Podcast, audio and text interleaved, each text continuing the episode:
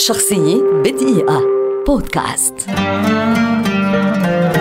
كارلوس زافون روائي إسباني شهير ولد عام 1964 ويعد واحدا من أشهر كتاب الرواية حول العالم في العقود الثلاثة الأخيرة. درس تكنولوجيا المعلومات وكان شغوفا بالسينما وحظيت سيناريوهات الأفلام التي كتبها بتقدير كبير بالرغم من أنه صنع اسمه ككاتب روائي. بعد العمل في العديد من وكالات الإعلان كرس حياته للأدب وفي عام 1993 فاز بجائزة الرواية للشباب عن روايته أمير الضباب التي فتحت له أبواب الشهرة ليؤلف ثلاث روايات أخرى في المجال نفسه. هي قصر منتصف الليل أضواء من سبتمبر ومارينا. عام 2001 أصدر روايته الأولى للبالغين بعنوان ظل الريح التي باعت ملايين النسخ في جميع أنحاء العالم وأكثر من مليون نسخة في بريطانيا وحدها. وكانت الرواية الأولى من سلسلته الروائية الشهيرة مقبرة الكتب المنسية والتي تتألف من أربع روايات تشكل تيمة أدبية أساسية ترتبط ببعضها عبر الشخصيات والمواضيع المتعددة إلا أن كل رواية منها مستقلة عن الأخرى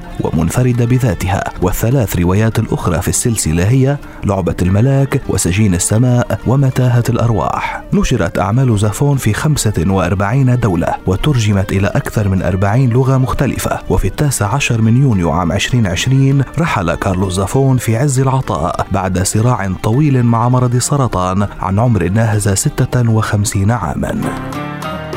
شخصية بدقيقة. بودكاست.